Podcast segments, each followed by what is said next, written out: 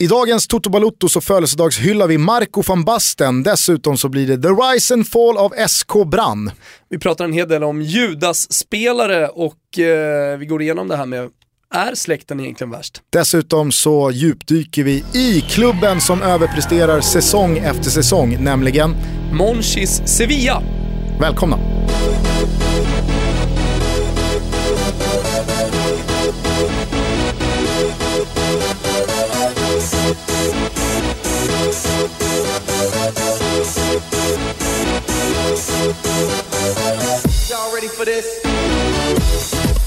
Då säger vi varmt välkomna till ännu ett avsnitt av Toto Balutto, en podcast som ligger hos Radio Play som görs av mig, Gusten Dahlin och min edsune Thomas Wilbacher och vi pratar om all världens fotboll och vi känner att vi har ett jävla superprogram i oss idag. Framförallt så är det ju en eh, härlig period att befinna sig i med mycket fotboll, eh, vi har ett landslags, eh, en landslagsvecka som stundar och vi har Champions League i veckan bland annat. Så att, ja, det, det är mycket och framförallt så har det gått en liten tid och man börjar få grepp om den här säsongen, man börjar få lite koll på lagen och man börjar se vartåt det barkar lite grann i de olika ligorna och för all del även ute i Europa. Så att, ja, men det, det, det är en rolig period. Men innan vi ger oss in i detta eh, alltså, kavalkaden av rubriker som har skapats senaste dagarna i uh, fotbollsvärlden så ska vi hylla lite födelsedagsbarn.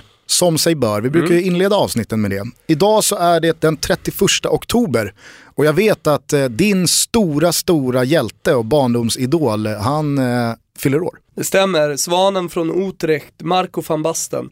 Det finns ingen eh, människa som jag har idoliserat så mycket som Marco van Basten. Det finns faktiskt ingen eller ingenting som har betytt så mycket för mig i mitt liv som Marco van Basten skulle jag vilja säga. Eh, det är till och med så, alltså när jag tänker på Marco van Basten då, då liksom kastas jag tillbaka till min barndom för att han var så otroligt viktig för mig. Alltså jag, kan, jag, kan, jag kan känna gruset utanför eh, vårt hus och hur, hur eh, jag, jag kan rent fysiskt känna smärta smärtan av det här ganska hårda gruset mot eh, mina bara fötter. Och sen när jag kommer på det liksom lena, mjuka gräset. Jag kan känna dofter av nypon från nyponbuskar och ja, men, så verkligen känna smärtan i foten när man drar till första vristaren där tidigt en lördag morgon mot slipersen. Han, han, han, han är den enda personen som kan, verkligen kan föra mig tillbaka till min barndom.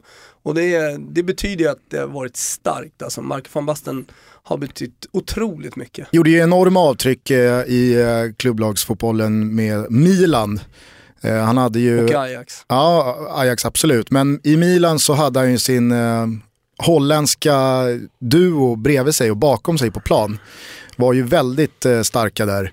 Eh, Rod Schullit och Frank Rijkaard. Eh, det var ju ett Milan som eh, tillhör väl ett av de eh, tre bästa klubblagen genom historien. Det skulle jag absolut säga. Det går ju alltid att diskutera så det är kanske en subjektiv diskussion men, men nej för mig, så, för mig så är det det bästa laget som någonsin har funnits. De vann allt, de vann flera gånger.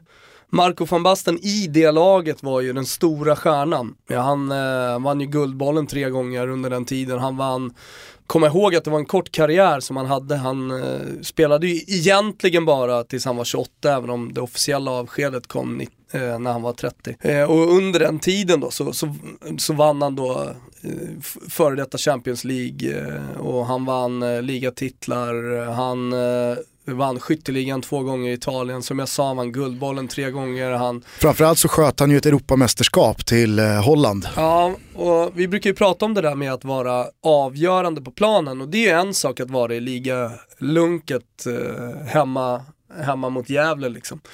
Eh, men, men det är en sak att göra det i de stora matcherna. Vi hade ju faktiskt ett födelsedagsbarn igår eh, som vi inte kan hylla då eftersom vi bara hyllar någon som fyller år under avsnittet. Men El Pibedoro, Diego Armando Maradona. Han gjorde ju också de, han, han, han ledde ju sina lag till titlar. Utan honom hade Napoli aldrig tagit sina titlar, utan honom hade eh, Argentina aldrig gått och vunnit VM.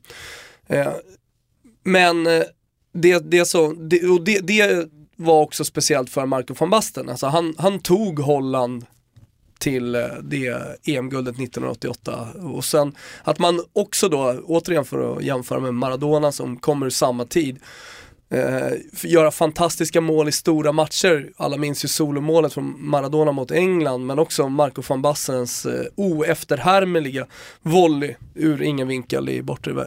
I bortre. Så att eh, det, det, ah, han, han, han är för mig liksom världens, världens bästa spelare genom tiderna. Eh, och, alltså rent subjektivt och sen så går det ju som sagt alltid att diskutera om man ställer dem mot varandra och så vidare. Jag har ju träffat och intervjuat Marco van Basten. Just eh, kring den där matchen vi pratade om i senaste avsnittet tror jag, när eh, jag var i Deventer och så Go Ahead Eagles mot Heerenveen som Marco van Basten tränade då. Kristoffer eh, Nordfeldt eh, var målvakt i Heerenveen och vi var där för att träffa honom till en programserie som heter Eurotalk Spelarna. Eh, och då pratade jag med van Basten varpå jag då hade läst en intervju där han sa, enligt texten i alla fall, att jag har en av Europas bästa målvakter som är under 25 i mitt lag. Och då ställde jag den frågan och eh, jag ska inte säga att han blev rasande för det hade varit en stretch. Men han blev väldigt irriterad på att jag citerade honom i vad han då tyckte var en felaktig sägning. För att han menade på att han hade en av holländska ligans bästa målvakter under 25 år. Så att han var ju väldigt, väldigt noga med att uh, bli uh, korrekt uh, citerad. Men han spände blicken i mig. Jävlar alltså, det var ju decennier av historia och titlar som bara isades mm. igenom mina glober. Sen är det ju sådär att Marco von Basten har inte blivit någon, någon stor tränare. Eh, han eh, kommer nog inte lämna efter sig liksom någon stor tränargärning eller direktörsgärning inom någon klubb, det tror jag inte. Eh, han, han var ju ganska trött på fotbollen direkt efter att karriären var över, det tog ju lång tid innan han kom tillbaka. Eh, men, eh, och jag tror att många kommer ihåg också den här anekdoten jag berättade om att han var uppe och fiskade med min polares farsa från Finspång. Så att eh, jag, jag, jag vill inte jag vill inte liksom, prata så mycket om eh, Marco van Basten nu utan jag vill, jag vill att han ska få vara den, alltså nästan, han, han får vara en legend från en svunnen tid för mig. Ja, eh, vi riktar ett stort grattis här från eh, Toto Balutto till Verkligen. Marco van Basten. Andra födelsedagsbarn som jag bara tycker ska nämnas, vi har den gamla Stoke-anfallaren Ricardo Fuller det är nog enda gången som Ricardo Fuller nämns i samma sammanhang som Marco van Basten. Jag tror det. Eh, där finns ju även den engelskfödda turken Mustafa Massi Isset. Som eh, var en stor Leicester-profil innan Leicester liksom blev Leicester. Det var Pontus Kåmark-Leicester. exakt. Eh, men en spelare som fyller år idag också som jag tycker verkligen vi ska stanna till vid för att han har en eh, fin, fin karriär. Det är ju Dennis Irwin eh, gamla vänsterbacken i Manchester United som mellan åren 90 och 2002 tillhörde Sir Alex lagbygge, lyfte sju Premier League-titlar, en Champions League-titel, tre fa Cup-titlar och en del andra småtitlar däremellan och av Sir Alex har kallats pund för pund min bästa värvning någonsin. Mm. Och det är ju en ganska tuff konkurrens får man säga. Tveklöst, framförallt så pratar man ju ofta om den andra kanten. Man pratar om minns Manchester United under 90-talet. Man pratar kanske inte så mycket om Dennis Irwin, man borde väl göra det ännu mer då. En kul eh, anekdot kring Dennis Irwin, det är ju att eh, i England så får man ju alltid, om man har spelat tio raka säsonger i en klubb, en så kallad testimonial match, en hyllningsmatch. Alldeles oavsett om man är på väg bort från klubben eller inte. Och den här eh, matchen gick av stapeln då 2000 och för motståndet stod eh, lokalrivalerna Manchester City. Då brukar det ju sådana här matcher vara ganska så lättsamt eh, och det brukar garvas lite och det brukar ofta vara ett motståndarlag som är ett ihopplock av spelare som då mannen i mitten har fått välja och favoritmotståndare och så vidare. Men det här var ju ett rent och skärt stadsderby. Och det smällde jag bara helvete så att Dennis Irwin han fick ju lämna skadad i 37 minuten efter en alldeles för hård tackling från en City-spelare. Kan ju vara den enda spelaren som har fått gå av skadad i sin, sin egen testimonial-match. som inte drog baksidan. Exakt.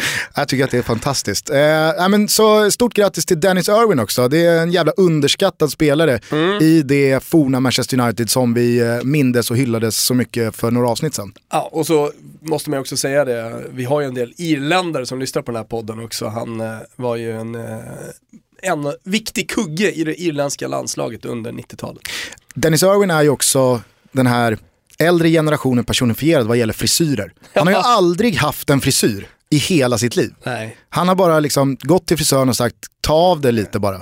Det börjar bli Exakt. för långt. Exakt. Inte en hårprodukt, inte en tanke, aldrig kammat, aldrig fixat. Det är bara, det är hår.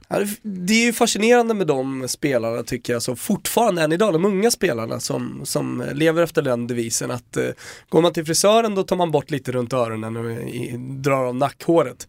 Giuseppe Rossi är ju eh, en, en av de lirarna som aldrig haft en hårprodukt någonsin i hela sitt liv. Nej, han har ju väldigt lite ambitioner med sin frisyr. Vi, vilket också kan vara en ganska fräscht 2016 när väldigt många, jag skulle säga lejonparten av alla fotbollsspelare ägnar stor del av sin fritid åt att fixa och dona med sina frisyrer. I Sverige så symboliserar väl Simon Tibbling det här. Ja, tycker jag. Verkligen. Han har ju aldrig kollat sig själv i spegeln när han Aldrig brytt lämnar omklädningsrummet Nej. efter match. Nej. Utan han har duschat, han har torkat håret och sen så blir det vad det blir. Mm. Eh, kul var det ju när U21-grabbarna vann EM-guldet. Och eh, var det du som frågade Simon Tibbling på Bromma flygplats då? Eh, varför han inte hade kostym?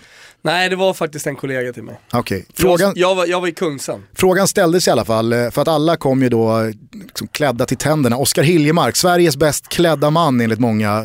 Han var ju fixad till tusen och alla andra körde också kostym. Men inte Tibbling. Han körde träningsoverall och så fick han frågan då varför har du inte kostym? Och han svarade bara ärligt, den är i Holland. Han har ju en kostym, Ja, det vet man. exakt. Nej, jag pratade ju bara Grödinge med eh, Simon Tibbling. Eftersom jag är från Rönninge, ligger ganska nära Grödinge. Så vi, vi, hade, vi hade ett bra surr där. Han är fortfarande väldigt liksom, stark. Känns han har stark- exkluderande det samtalet. Ja men det var ju det, det var helt uselt. Det var ju sämsta intervju som har gjorts. Eh, men eh, han har stor, fortfarande en väldigt stark förankring till eh, sin hemort. Mm, det rimmar ju med hans personlighet. Verkligen. Eh, grattis till alla de här och grattis till alla er eh, fotbollsspelare där ute som inte använder några hårprodukter. Och heja Grödinge. Hör du, det är dags för ett Europasvep. Vi måste ju så att säga ha koll på vad som har hänt ute i fotbollsvärlden innan vi eh, fortsätter med avsnittet. Exakt, och för alla nytillkomna lyssnare som undrar vad det här är. Jo, eh, vi eh, turas om, kör varannan vecka och sveper på tre minuter max eh, de stora rubrikerna. Vad har egentligen hänt i Europa? Turen har kommit till Gusten Dahlin. Take it away Gugge. I Tyskland håller Hamburger Sportverein, HSV, Albin Ekdals klubb, sedan förra sommaren på att avsluta sin snart 55-åriga sejour i Bundesliga.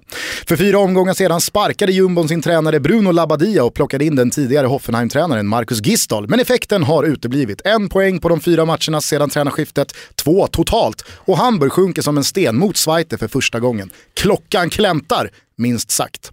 I toppen ångar Bayern München på, tätt följda av Emil Forsbergs RB Leipzig, som mer och mer i takt med Borussia Dortmunds fyra raka utan seger ser ut som den enda potentiella utmanaren till Carlo Ancelottis rödblå maskin. I England och Premier League hittade Manchester City tillbaka till vinnarspåret och man gjorde det med besked. Kun Agüero smällde in två nya baljer i 4-0-segern borta mot West Brom och skuggar nu med sina sju gjorda skytteligaledaren Chelseas bandit Diego Costa som har gjort åtta. Det senaste i den stabila segern borta mot Southampton. Zlatan och Manchester United satt satte någon slags världsrekord i antal avslut mot mål utan att få in bollskrället bakom Burnleys Old Trafford-comebackande Tom Heaton. 0-0 slutade matchen, Mourinho blev uppvisad på läktaren och vi kan konstatera att The Red Devils inte vann en enda ligamatch i oktober. I Italien gick det mesta Juventus väg den här helgen. Man slog själva tillbaka Napoli med 2-1 och givetvis blev sommarens mest infekterade transfer Gonzalo Higuain sina forna lagkamraters baneman. Men lyckan log mot den gamla damen på flera sätt, bland annat genom Romas poängtapp borta mot Empoli och en storspelande Lukas Skorupski med ett förflutet i, just det, Roma. Inte ens den glödhete Edin Dzeko lyckades göra mål på polacken. Segrade gjorde dock Milan, men också Lazio som väldigt tyst smugit med i tabelltoppen och flugit under mångas radar den här hösten. Frågetecknen var många kring Simone Inzaghi när han tog över laget och man skulle leda dem när säsongen väl drog igång. Men den mindre kände brodern Inzaghi har verkligen bevisat sig och Lazio flyger högt. Crotones Marcus Rodén fick en klart godkänd sexa i betyg när nykomlingen bärde säsongens första Victoria hemma mot Chievo och Inters tränare Frank de Boer hänger nu ruskigt löst efter ännu en förlust. Den här gången borta mot Sampdoria. Corriere dello Sport presenterar en shortlist på fyra tänkbara ersättare där vi hittar Pioli, den nyligen sparkade Swansea-tränaren Guidolin, den starkt Milano-förknippade Leonardo och den gamla PSG-tränaren Laurent Blanc, också han med ett förflutet i Inter. I Spanien stod Champions League-lagen för en dag på jobbet-insatser där Sevilla var de enda som tappade poäng och Cristiano Ronaldo avslutade en evighetslång måltorka genom att göra hattrick i Real Madrids bortaseger mot Alaves. Portugisen kunde dessutom kosta på sig en missad straff. Omgångens upphämtning stod Las Palmas för under den sena gårdagskvällen då Kanariefåglarna käkade upp Celta Vigos 3-0-ledning under den andra halvleken. John Guidetti satt kvar på kvisten hela matchen och hemmalagets Kevin Prince Boateng gjorde mål igen. Den rubrikmakande tyskgananen ser ut att ta en gruvlig revansch på alla de som räknade bort honom för några år sedan. Innan vi stänger ner tycker jag vi snabbt bara ska blicka västerut mot vårt grannland Norge där de redan klara seriesegrarna Rosenborg checkat ut totalt. Det är dock inte varför vi spanar mot baggarna, nej, utan den grejen hittar vi på andra plats, nämligen Bergens stolthet, SK Brann. Vi är många Många som minns hur en hyllad, envis, ifrågasatt och till sist avskydd Rickard Norling körde ner det anrika laget från norra Norge i andra divisionen, fortsatte prestera svagt och fick sparken från klubben så sent som i maj 2015. Lars-Arne Nilsen tog över det sjunkande skeppet och igår, genom 2-1 borta mot Start, säkrade Nilsen och Brann kvalspel till Europa League nästa år och har alltså tagit laget från mitten av andra divisionen till internationellt kuppspel på mindre än ett och ett halvt år. Vad i hela fridens namn gjorde egentligen Rickard Norling för fel? Jättebra. Mesta hade jag faktiskt koll på, eller på att säga. Men ja, det förvånar mig inte. Här. Nej, men det är ju inte för dig jag gör det här nej, svepet. Jag, nej, jag vet, men eh, ibland så kan det dyka upp lite uh, överraskningar såklart. Men låt oss stanna då först vid Brann. Det kanske du inte hade pinfärsk koll på. Det är Nej, fantastiskt. Fakt, jag, jag, tänkte precis säga det. det. det. är ju en otrolig resa och man är alltid lika fascinerad av då lag eh, som, st stora lag, eftersom Brann är ett, ett norskt storlag som, som har halkat efter och, och gått vilse i seriesystemen och sen så helt plötsligt bara hittar tillbaka och så pang bom så är man i toppen igen. Ja men så snabbt, det är ju helt sjukt. Ja. Maj 2015, det är inte ens ett och ett halvt år sedan. Ja då var det stor kris i Brann. Ja, och sen så kommer då Lars-Arne Nilsen in. Jag vet inte vad han har gjort, eller vad, alltså, jag tror ju snarare det var Rickard Norling som fick ut, vadå, 15% av det här lagets kapacitet när det kommer till att bärga segrar. För det var väl eh, Norlings stora problem i Brann, att han spelade en fotboll som vare sig spelarna behärskade eller supporterna stod bakom. Det här var ju också innan Rickard Norling fann Nangiala som han själv beskrev det för mig.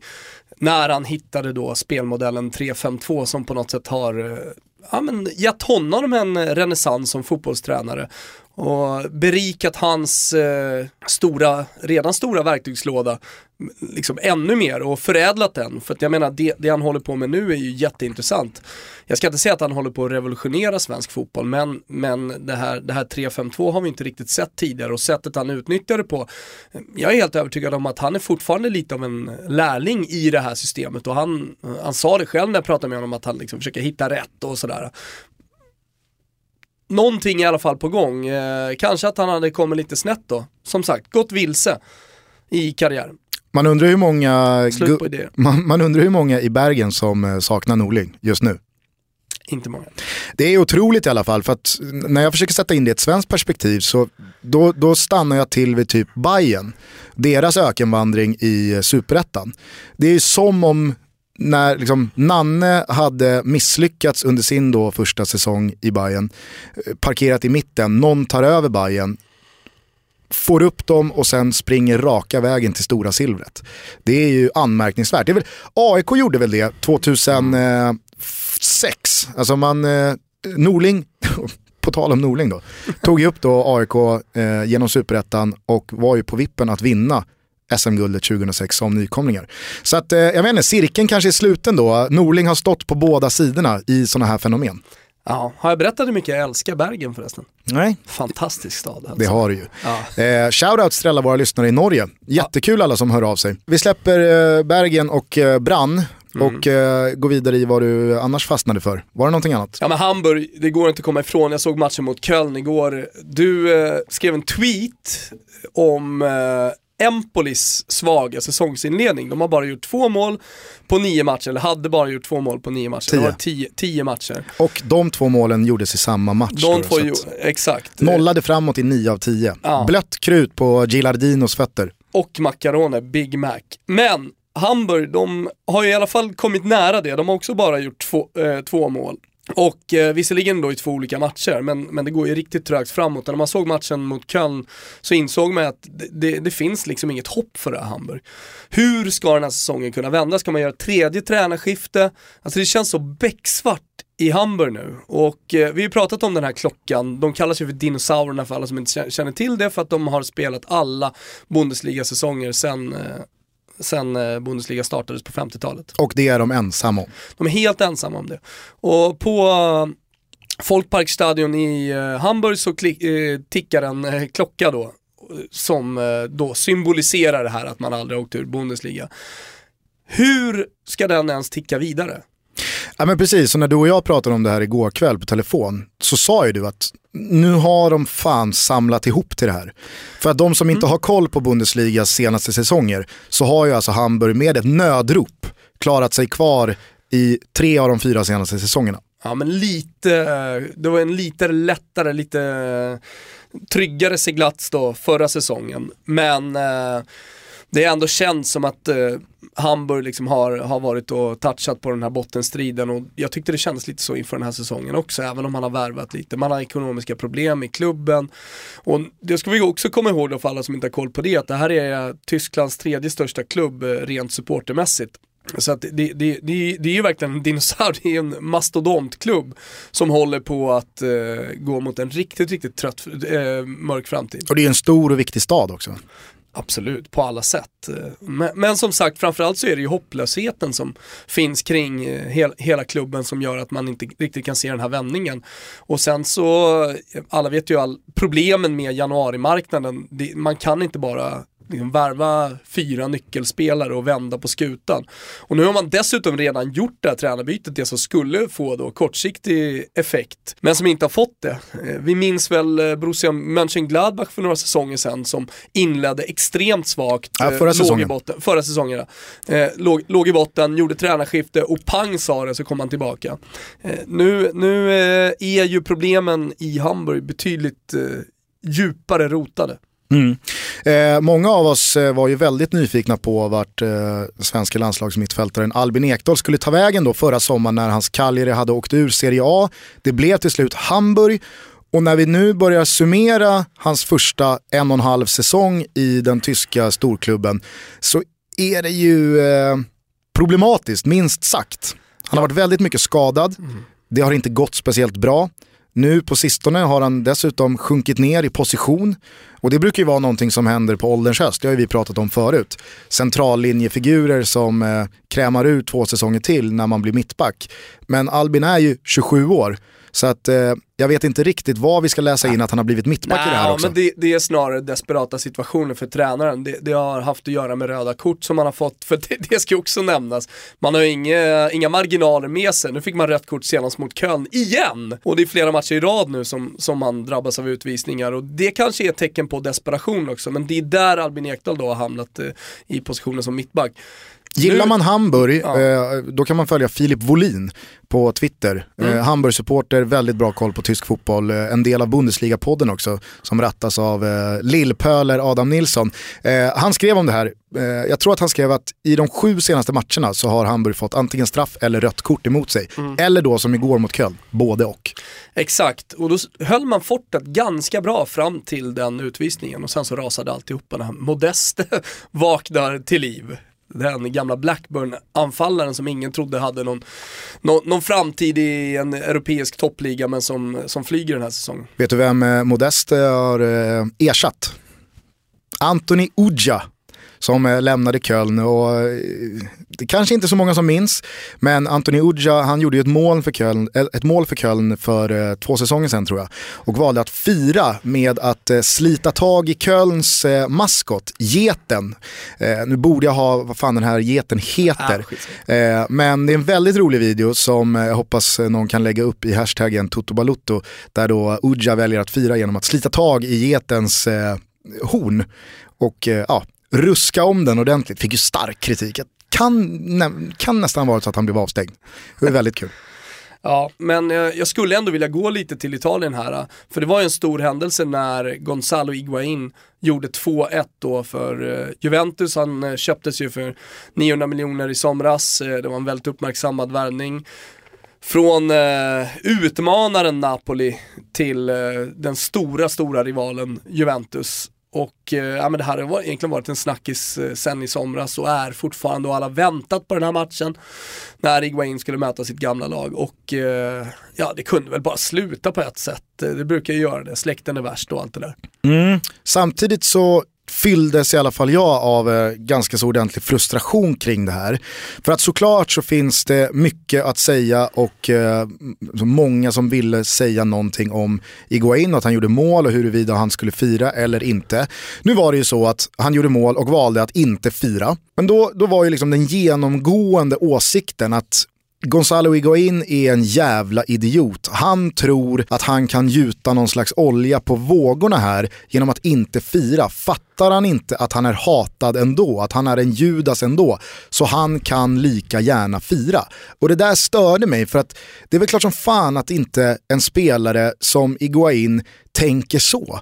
Vad finns det för naturligt i det? Bara för att man har lämnat Napoli för Juventus under väldigt uppmärksammade former, som i sig är ett jävla statement och som ja, är ett svek, så behöver ju inte det innebära att man på något sätt känner själv att då kan jag lika gärna löpa linan ut och eh, trycka, det, trycka upp det i deras ansikten ännu mer. Jag köpte Gonzalo Higuains icke-firande till 100%. Jag tror, att det var, jag tror att det var helt genuint. Han känner att jag behöver inte pissa på Napoli mer, jag behöver inte pissa på supporterna mer, så att jag firar inte. Sen att det bemöts med att du kan lika gärna fira din jävla svikare och din jävla Judas, det, det, det, det störde mig. Det här är ju en människa också, han har spenderat tre år i Neapel, blivit eh, stadens hjälte. Jag menar, de, de har gjort eh, statyetter av honom. Han har inte likt Maradona men nästan då höjts upp till någon slags eh, halvgud i staden. Eh, han har gjort 71 mål för klubben, eh, han har hållit liv i, i den här eh, titelstriden med Juventus och varit hoppet för Napoli att vinna återigen då en, en scudetto på 30 år snart. Så att det, det, det, det är klart att han fortfarande har känslor för Neapel som stad och för, för, för Napoli som klubb. Han är bara människa, det kan inte bara försvinna så här. Man kan ju gå till sig själv och försöka tänka sig in i en sån situation. När man har då levt med en supporterskara som är en av de mest passionerade i hela fotbollsvärlden. Och, sen, och då måste man också backa bandet till den här försäljningen. Det är klart att Gonzalo Higuain hade kunnat stängt den dörren och sagt att jag spelar bara i, i Napoli. Ja, det, det kanske vissa spelare hade gjort.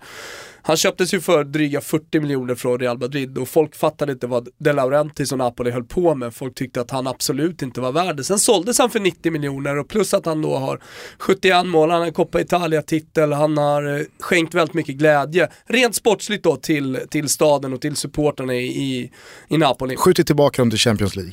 Exakt. Eh, så, så jag menar, han har, ändå, han har ändå gjort ganska mycket för klubben. Sen kan jag förstå, alltså, jag tycker att det går in och peta i folks känslor, man får tycka vad man vill.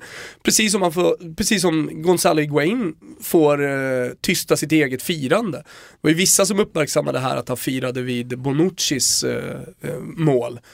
Och ja, men det, det var väl spontant att han gjorde det. Men, men jag tyckte att det genuint syntes på Gonzalo Higuain att han var plågad. Även efter målet, alltså egentligen fram till slutsignal, att han, han, tyckte, han tyckte att det var lite jobbigt. Nej, men jag, och jag är inte heller framme med någon pekpinne och säger åt andra att ni borde tycka eller känna så här. Det är väl klart som fan att man som supporter känner det man gör. Men jag tycker att det är en vurpa att tro att Iguain ska vara någon slags, nu kan jag lika gärna strö ännu mer salt i de här såren. Han vet ju att han har gjort en hel klubb, en hel stad, en jävla massa människor upprörda genom sin transfer. Och precis som du säger, jag tror att hans kärlek och känslor till Neapel och Napoli är så pass äkta att han inte vill göra det värre än det redan är. Sen så köper jag också till 100% att det spelar ingen roll för supportrarna eh, och hans eftermäle om han firar eller inte. För att han har redan visat vart han står i den här frågan. Han, har- han har redan pissat på dem och Napoli så hårt att det är över. Men med det sagt så tycker jag inte att det finns någon logik i att, att han lika gärna kan fira. Jag, jag fattar faktiskt inte det. Nej, men sen har det ju blivit en diskussion om vi, om vi ska zooma ut ytterligare kring då, så att säga, icke-firanden. Det som faktiskt eh, Simonsson en gång startade när han gick från Roma till Lazio, då, då pratar vi 50-talet, eh, det, det, var där det började. Eh, men eh, Kallades han Reggio di Luna? Raggio di Luna. Raggio di Luna. Mån, månstrålen. Och det är klart att en sån här sak ska födas i Italien, men det var inte helt solklart att det skulle födas av en, av en svensk. Men då var det väl inte lika vanligt att man gick mellan rivaler. Det började väl där ungefär. Uh, hur som helst, så, uh, så finns det i alla fall en, en diskussion, det kommer alltid. Och jag, jag tycker att liksom, den, den, stora massan lutar åt att de tycker att det är dåligt att inte fira. Det är klart att du ska få vara glad. Ja, det är klart att du ska få vara glad om du gör mål. Men känner du för att inte fira, då, då tycker jag att det är fullt acceptabelt. Du får varje spelare bestämma själv. Mm. Sen så om man känner sig plågad över att behöva liksom, tysta ner sitt firande, ja men då är det en sak. Men jag kan tänka mig så hade det här varit en Champions League-final mellan Juventus och Napoli, jävla konstig Champions League-final. Men eh, med eh, den typen av, då, då kanske det hade varit så att eh, han, han hade varit gladare vid, vid det här målet. Men man måste också acceptera spelarnas egna liksom, vilja här och deras sätt att reagera på vid, vid, vid, mål. Top of your mind, vilka Judas-övergångar är där uppe på Hall of Fame? Solklart Figo från Barcelona till Real Madrid. Ja, och vi, vi minns huvudet som kastades in och, och sådär.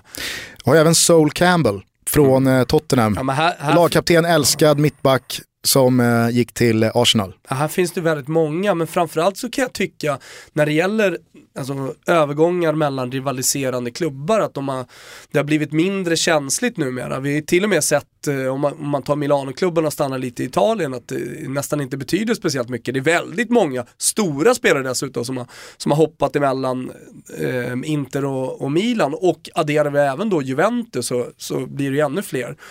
Eh, som, som har liksom hoppat däremellan. Jag menar, Inzaghi, han har ju bara varit både där och där så att säga. Det är snarare där jag skulle vilja liksom lägga diskussionen, att det känns som att den typen av känslor, Gonzalo Higuain är på något sätt undantaget som bekräftar det, att det, det, det, finns nästan inte längre. På senare år så minns jag också Mario Götze Mm. Som nu hastigt och lustigt alltså är tillbaka i Borussia Dortmund. Eh, det var ju jävla starka känslor när han eh, lämnade för Bayern München för är det tre år sedan. Mm. Eh, det finns ju hur många som helst eh, Men vi har ju även i allsvenskan här, eh, Djurgården i somna, somras när man värvade Mange Eriksson. Är det verkligen på den här nivån? Det är inte på den här nivån, men jag skulle, vi, vi, det finns även i allsvenskan skulle jag bara vilja säga. Ja. Och, jag tycker att det är viktigt att komma ihåg här att eh, Mange Eriksson inte har gjort en enda A-lagsmatch för AIK. Absolut, men det blev uppmärksammat, det måste du hålla med om, att det har blivit rubriker. Ja, kring. men då tycker jag ju snarare att eh, man kan nämna Jesper Jansson och, alltså, där, där var det ju verkligen eh, ordentligt. Ja, ja absolut. Så, så, är det ju. Sen, jag menar, Kim Simon Tern.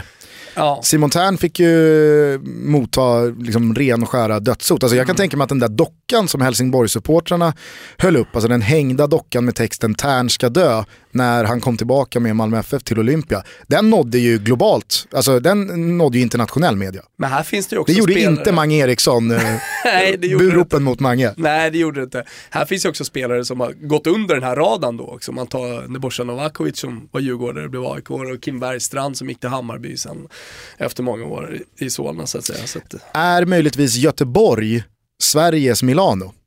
Väldigt vanligt, eh, i alla fall förra om åren när Gais och ÖIS var mer konkurrenskraftiga, att spelare i, framförallt då Blåvitt, hade förflutet i både ÖIS och Gais eller i vissa fall även Häcken.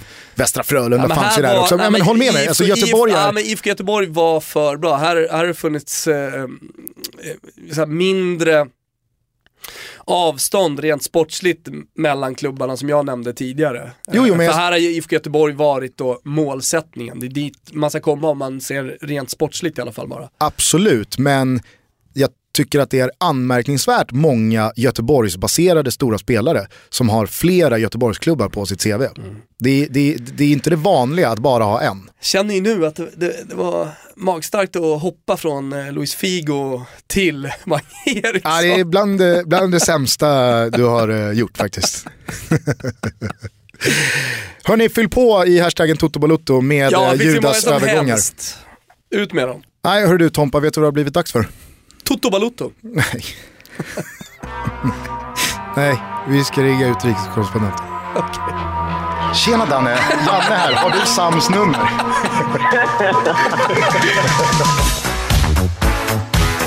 Daniel Larsson dunkar in 2-0.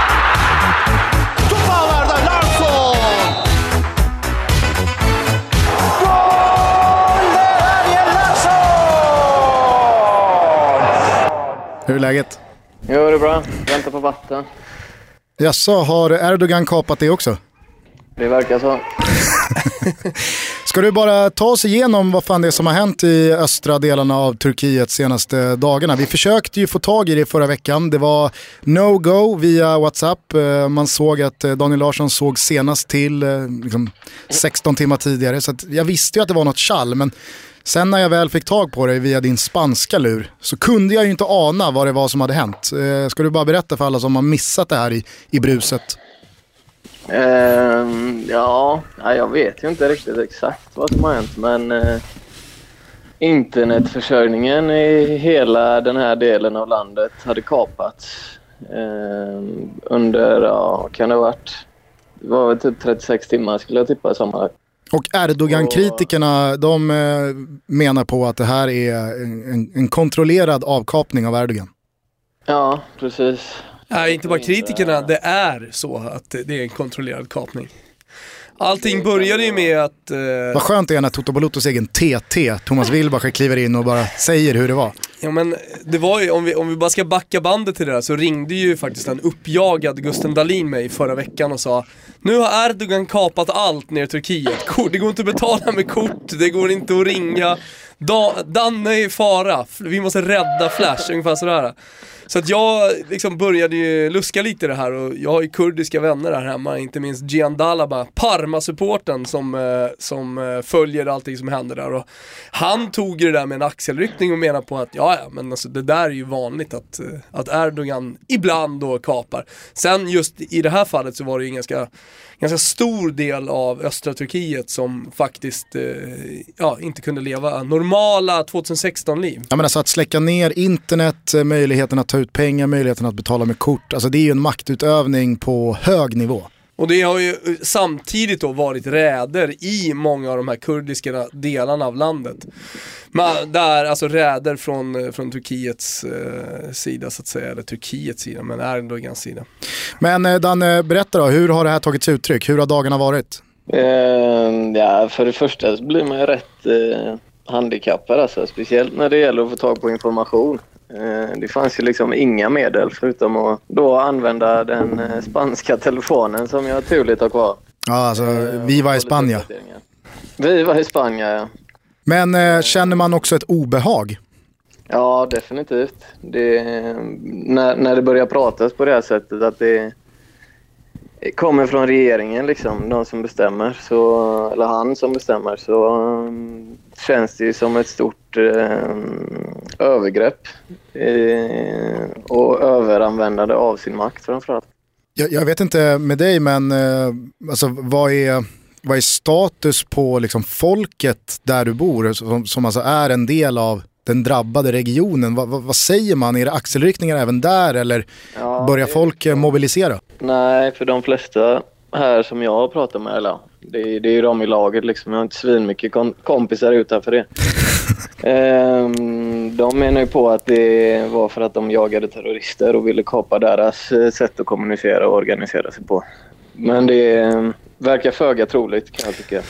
Alltså det jag har fått till mig på söndagen då, det var ju räder i kurdiska Free Women's Congress bland annat, deras lokaler. Eh, så att eh, oh, det, det, det, är ju inte, det är inte bara terrorister man har jagat. Och, som jag var inne på i inledningen här, allting började ju med en Erdogan-kritisk borgmästare i en grannstad till eh, Gaziantep mm, där du bor.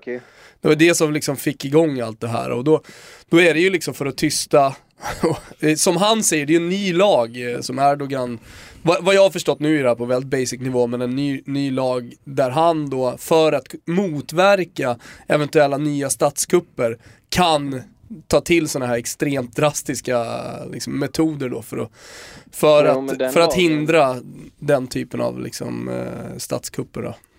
Jag fattar det som att han har eh, tillåtit sig själv att göra så under en två timmars period. Ja, det här var ju lite längre. Det var ju betydligt längre.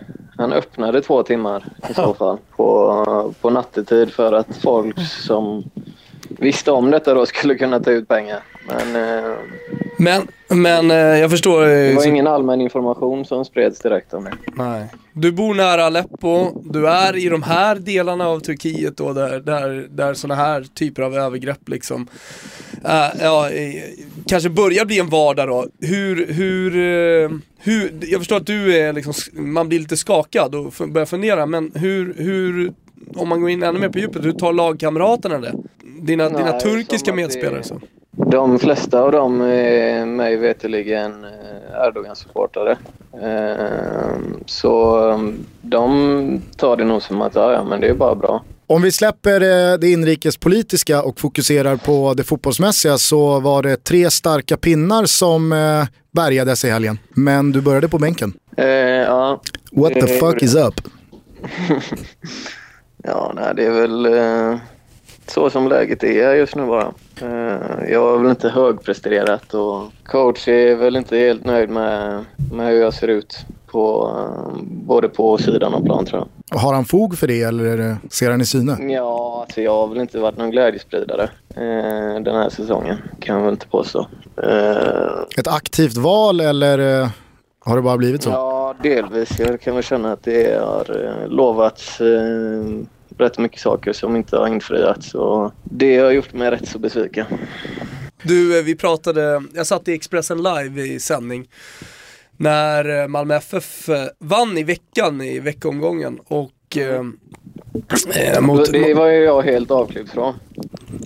Ja, du missade ju helt eh, Allting, guldfirandet och så. Annars hade du, hade du haft internet hade du då kunnat gått in på Expressen och så hade du kunnat sett eh, våra intervjuer från HIP i Malmö. Ja, fan. Och eh, då hade du sett eh, inledningen på eh, Guldfirandet-sändningarna då, så, så intervjuar vi en kille, en random Malmö FF-supporter som får frågan om han har varit med tidigare och vad han är för typ av supporter. Och så mindes han tillbaka till ett ögonblick när Malmö FF vann guld här nyligen. Och, eh, 2010 var det väl? 2010 och han befann sig på precis samma ställe. Han sa, jag känner lite déjà vu nästan när jag, när jag står här. Då stod fem meter längre bort eh, Danne Larsson, jag vet inte om ni minns honom, eh, snabbaste spelaren i Allsvenskan, jag vet inte riktigt var han befinner sig nu. Eh, och rökte en cigg eh, här eh, utanf- utanför HIP. Och vi har ju i, eh, vår, på vårt Instagram har vi ju ciggkampen som rullar nu när, när Vilka fotbolls... avtryck man lämnar där ändå. Eller hur? 10 plus 10 och en röda Marlboro. Ja, det är glädje. Ja, eller hur? Ja, men vi har ciggkampen och frågan är om Danne Larsson tar sig in då i eh, ciggkampen. Hur många i laget är det som röker annars? Eh, här är rätt många alltså. Det är nog hälften ungefär skulle jag säga. Regelbundet sådär. Mm. Du, eh, det tas ut en landslagstrupp i eh, dagarna. Mm. Hur bedömer du dina chanser? Eh, ungefär som förra gången skulle jag tippa. Inte så stora. Nej, inte jättestora. Men jaha, vad fan, eh, vad, vad, vad är det som sker här egentligen då för dig själv om du blickar framåt? Ska vi börja packa väskorna i januari eller? Eh, ja, det hade väl varit det optimala. Vi får se om det är görbart bara. Ja, ja, ja det är ju bara att hoppas att du eh, kan eh, få igång spjuverbeteendet igen och sprida Ja. lite glädje och ta dig in i elvan igen.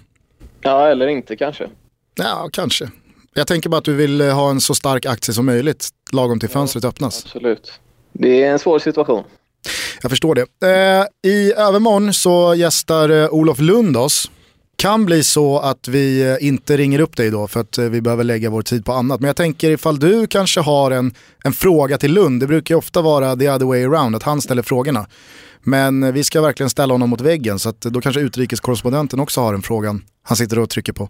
Ja, varför har han aldrig ringt mig och frågat om eh, jag vill göra en podd? Vi tar med oss den Danne. Vi, eh, vi hörs i dagarna. Det gör vi. Ta hand om er. Ta hand om er. Ciao! Hej. Vi ska bara lugna alla lyssnare, eller lugna och lugna, bara flagga för att det blir väldigt lite svensk fotboll i det här avsnittet. Ta det lugnt, vi har inte glömt att eh, AFC till exempel har tagit sig till allsvenskan. Vi har inte missat att det pågår en väldigt spännande bottenstrid i allsvenskan. Vi har inte missat att det snart ska tas ut en landslagstrupp. Men i övermorgon så gästar Olof Lund oss. Mm. Och eh, i det avsnittet så kommer vi stänga gränserna och bara fokusera på det som händer i Sverige. Så därför blir det här avsnittet väldigt internationellt. Jag ska göra mitt bästa för att ta oss utanför Sveriges gränser under det avsnittet, jag lovar. Ja, okej. Okay. Mm. Eh, hur som helst, eh, jag skulle vilja fokusera på ett lag som, eh, precis som Lazio, eh, jag nämnde i svepet där, har flugit lite under radarn. Eh, Sevilla, mm. det är ju en fascinerande fotbollsklubb Eh, de presterar ju resultat som är fantastiska, inte bara sett till eh, budget och spelartrupp, men kanske framförallt då till konkurrensen. Alltså, de spelar i en liga som inte bara innehåller Barcelona, Atletico Madrid och Real Madrid, utan jävla många konkurrenskraftiga lag och ändå så står de ut säsong efter säsong. De tar sina Champions League-platser, de eh, kanske inte går hela vägen där, de har tre raka Europa League-bucklor och de tappar ju sina nyckelspelare säsong efter säsong. Bara den här sommaren så blev man av med tränaren Unai Emery. Eh, du förlorade Ever Banega, lämnade, försvann till Inter. Utan att Sevilla fick några pengar, det var en bossman. Precis. Krychowiak tog eh, Unai Emery i handen och lämnade för PSG. Och eh, Kevin Gameiro flyttade till Atletico Madrid.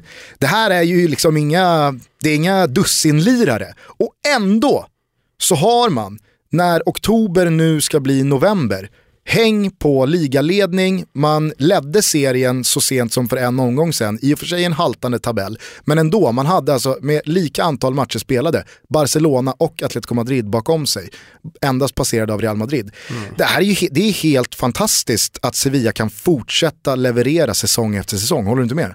Jo men det är klart att det är det. Och jag menar det, där är det ju en stor eh, fjäder i hatten åt eh, självklart eh, Ona Al som eh, har gjort det fantastiskt bra under de här åren. Och liksom där tror jag också det finns en, en slags fotboll som han spelar som, som verkligen funkar. Både i ligan och också internationellt sett. Så att när han sätter de nya spelarna i eh, i laget så vet de precis vad de ska göra. Jag tror att det finns en tydlighet från hans sida som verkligen har varit eh, ja, vinnande i slutändan lika mycket som vi pratade om Diego Simeone i Atletico Madrid tidigare, där han har betytt otroligt mycket, mest för klubben, så tror jag också att eh, Emri har varit den liksom, nyckelpersonen som har gjort att Sevilla hela tiden har kunnat prestera på den här nivån.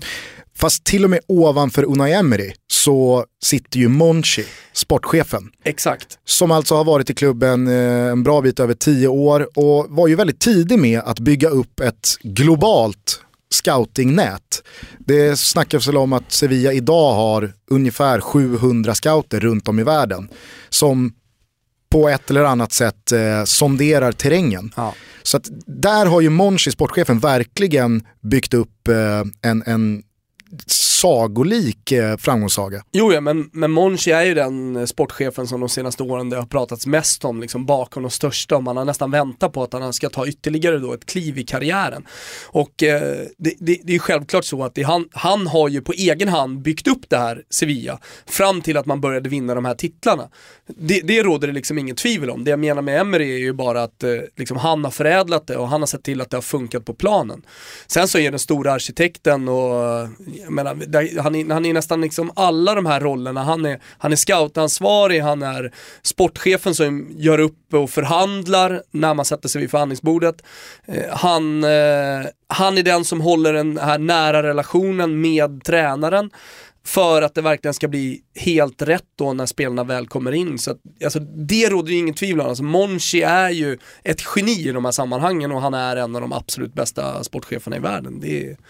Men det skulle också vara intressant att se honom agera och, och finnas i, i en större verklighet, alltså när man har eh, nej men, där man kanske aspirerar på liga, titta på ett helt annat sätt och för all del även i Champions League. För nu har ju Sevilla blivit då det Europa League-laget.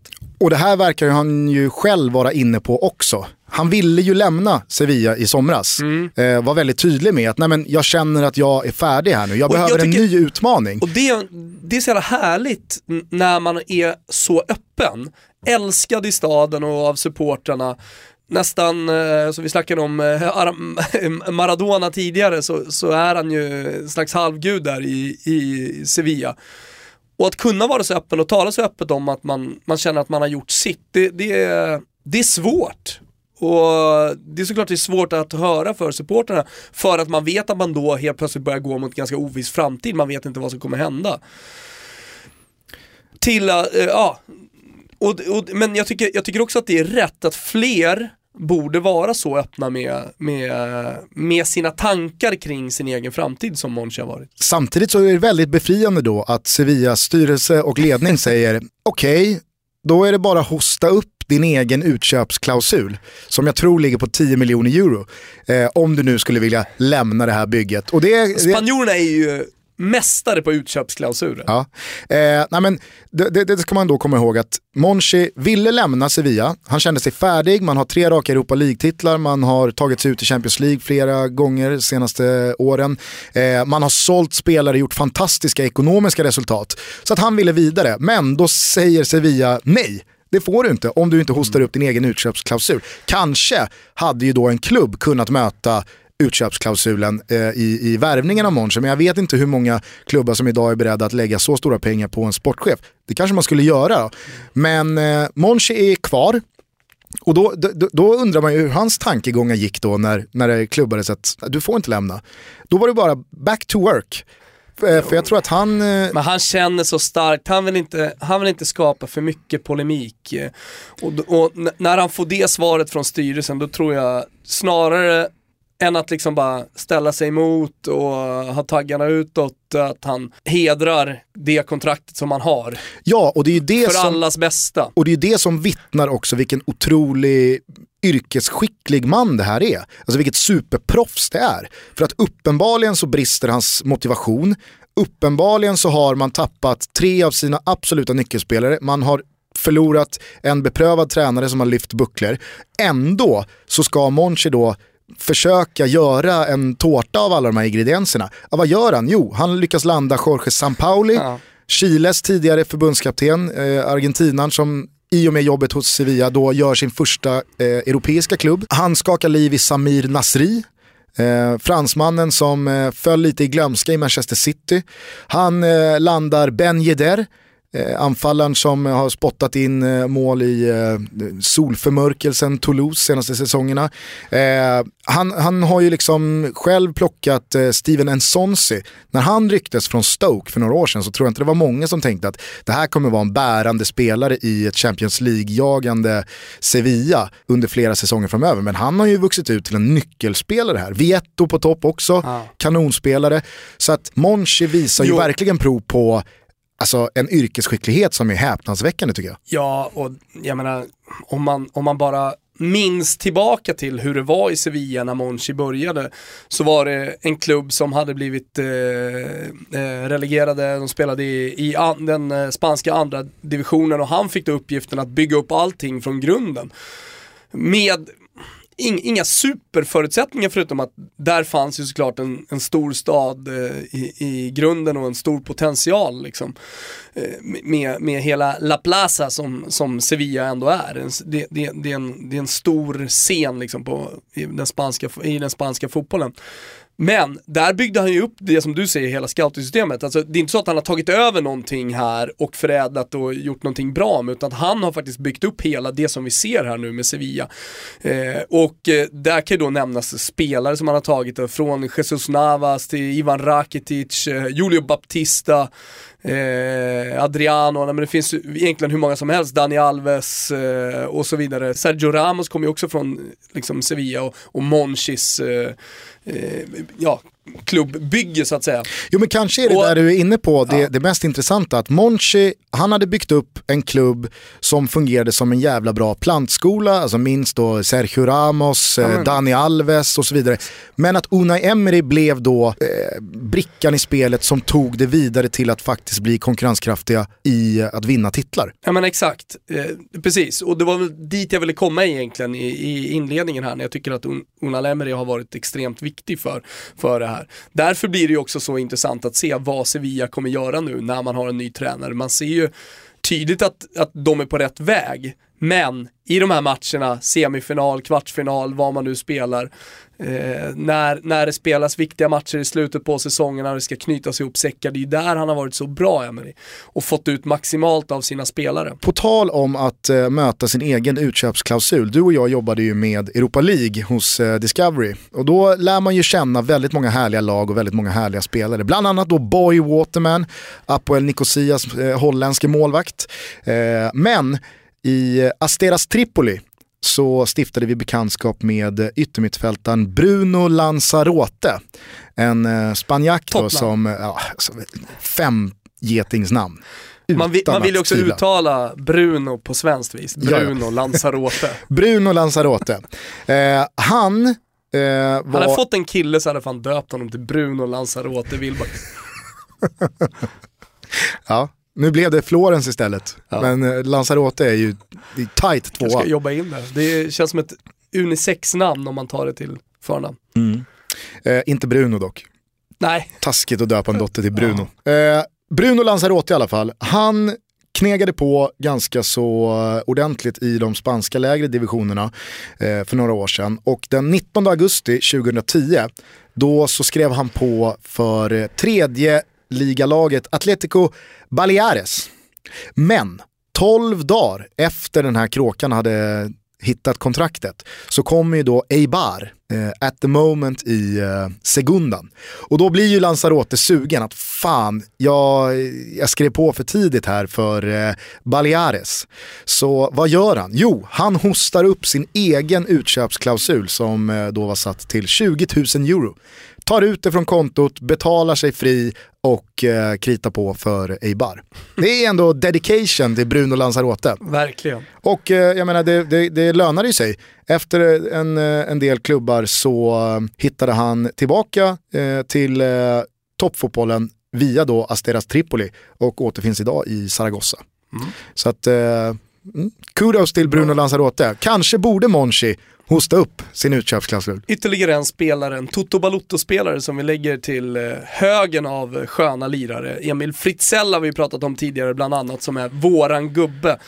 Nu, eh, ja men på allas läppar känns det som. Ah, kanske inte allas, men mångas. Eh, han vann ju eh, skytteligan i division 2 södra Svealand Eskilstuna city. Och det är ju många då som har hoppat på Emil Fritzell-tåget och tydligen så står ju klubbarna i kö för hans signatur. Eh, spännande att se vart han, vart han landar. Med tanke på att han spelar i Eskilstuna kanske han bara helt enkelt ska ta klivet till allsvenskan nu när de får ett nytt lag. Kanske. Hör du, eh, en schnitzel och en gulasch ska delas ut. Ja, jag skulle vilja börja med att kasta en eh, stekhet eh, gulaschslev i ansiktet på Jordan Larsson. Och eh, för alla som inte har varit med i det här momentet tidigare så har ju Gusten kommit på att man ska dela ut någonting bra. Det symboliseras med schnitzel, någonting, eh, ja, någon som man tycker har gjort någonting dåligt. eh, En liten medalj. Ja, exakt. Någonting dåligt, då är det gulaschen. Sen vad det finns för slags logik i det här, det har jag ingen aning om eftersom gulaschen är ju supergod och allt sådär.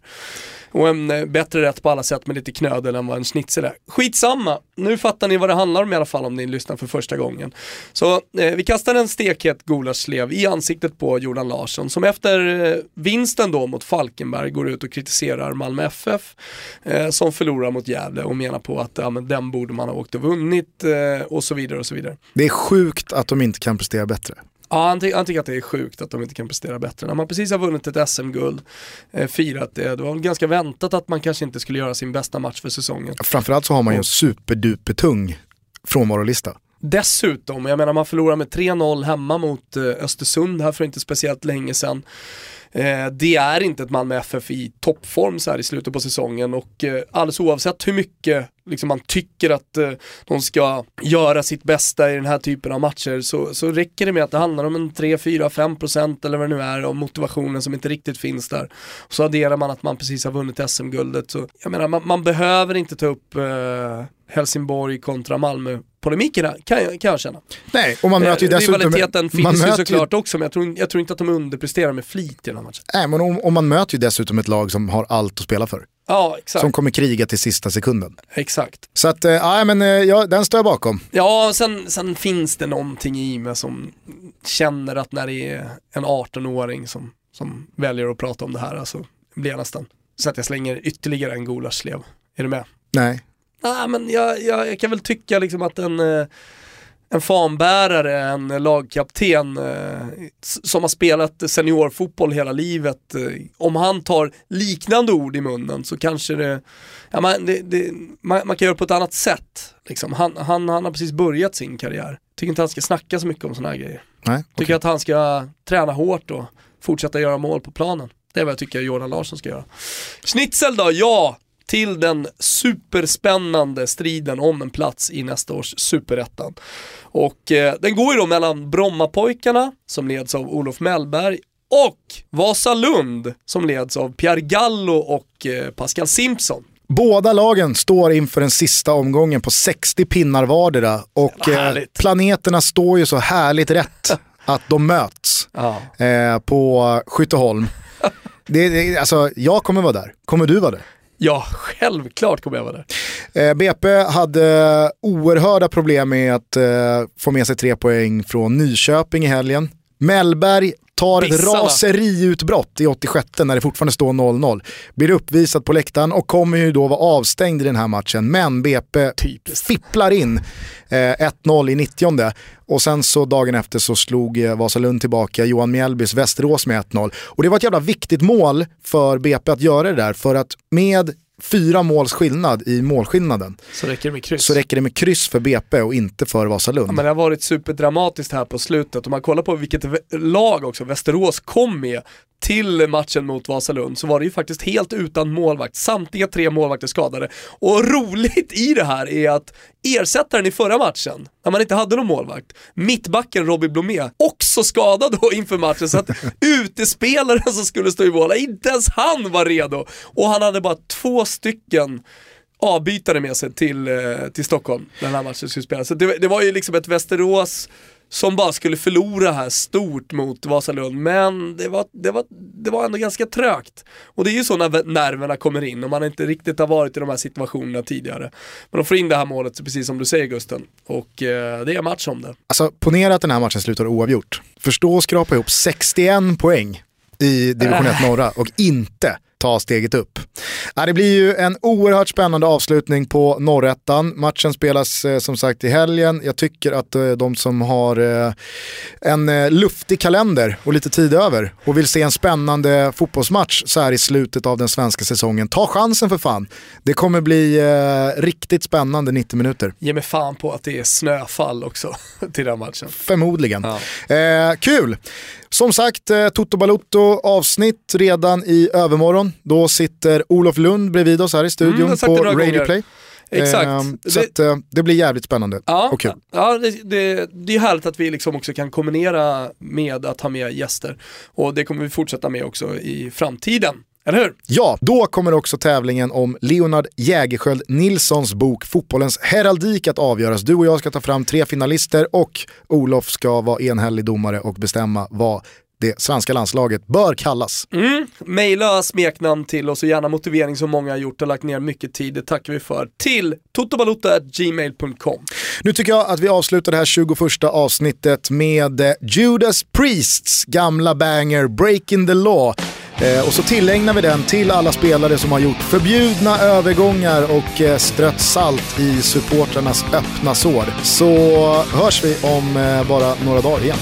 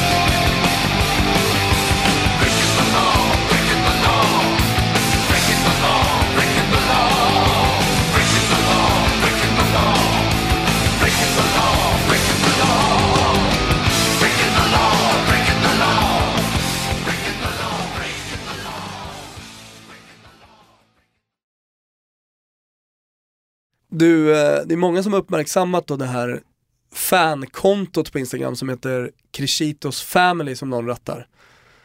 Eh, som självklart också likas då av eh, Domenico Crescito himself. Annars är det ju, man märker det är mycket sport i hans liv här. Eh, bland annat så har hans son då ritat någon form av teckning här. Det är ju, sådana här grejer, det måste jag säga som småbarnsförälder själv. Alltså när, när, när ens barn ritar en teckning som betyder jättemycket för en själv i, och med att man följer den dagliga utvecklingen. När barnen är jättesmå, då är det nästan som man, man liksom kan se skillnad på barnen, man kan se utveckling från dag till dag. Eh, och till exempel så är ju en sån här grej som teckningar eh, någonting som kan vara väldigt starkt då för en själv men, men för andra så betyder det absolut ingenting. En annan sån grej är ju nyfödda barn, ser ut som, ja, men, som små gubbar och ja, men, nyfödda barn är ju fula generellt sett sådär. Små russin. Ja, och de, de hamnar alltid i, i de här bilderna, eller ofta i de här bilderna. Så att de ser mycket större ut vad de egentligen är. Och, ja, men det är helt onödigt att hålla på att dela med sig av alla de här bilderna. Och det, det älskar ju folk att göra. Och Domenico Crescito är ju en av dem eh, som Ja, jag tror vi har uppmärksammat ganska mycket här nu på slutet. Eh, och just det här, som så här teckning, alltså för, för mig, vad, vad, vad ska jag säga om det här? Ja det är en fotbollsplan, några fula gubbar som har lagts ut. Det, det, det, är liksom, det betyder noll för mig. Samtidigt så förstår jag ju att för Crescito så betyder det här mycket eftersom jag, jag själv liksom jag får en teckning med ett hjärta från min dotter kan känna, ja men bli varm i hela kroppen och hjärtat bultar lite snabbare och man vill bara krama så här. Men skit i att dela med dig av sånt här till 100 000 följare på Instagram. Själv fokuserar jag ju på basketen som har eh, gjort inträde i Domenicos liv. Eh, bland annat då så har ju han lagt upp en bild på Toulson, en spelare som då verkar spela i Zenits basketlag. Eh, då så är en av eh, Mimmos grabbar då uppe på plan i ett par Uggs faktiskt. Eh, och då vill låna bollen, någon liten barnboll. Och, men det jag fastnar för är ju då caption som eh, Mimmo har skrivit, alltså bildtexten. Give me ball. alltså, han har ju fått en rysk italienska. Give me ball. Och sen eh, sju stycken eh, blinkande smileys. Eh, utöver det så kan jag inte slita mig från bilden på tvn som han har fotat. Det här är ju någonstans en bild som ringar in exakt det vi menar med det här segmentet. Han är ju världens svagaste fotograf. Han är världens svagaste sociala medieperson. Han har alltså fotat av en tv-skärm snett underifrån på typ slutsignal. Eh, och och det, det, det är bara en sån dålig bild. Helt tomt på läktarna, och dåliga färger, det är helt uselt. Och så bara har han skrivit Davai Zenit. Då är ju alltså Ryan Toulson en betydligt vassare Instagram-gubbe.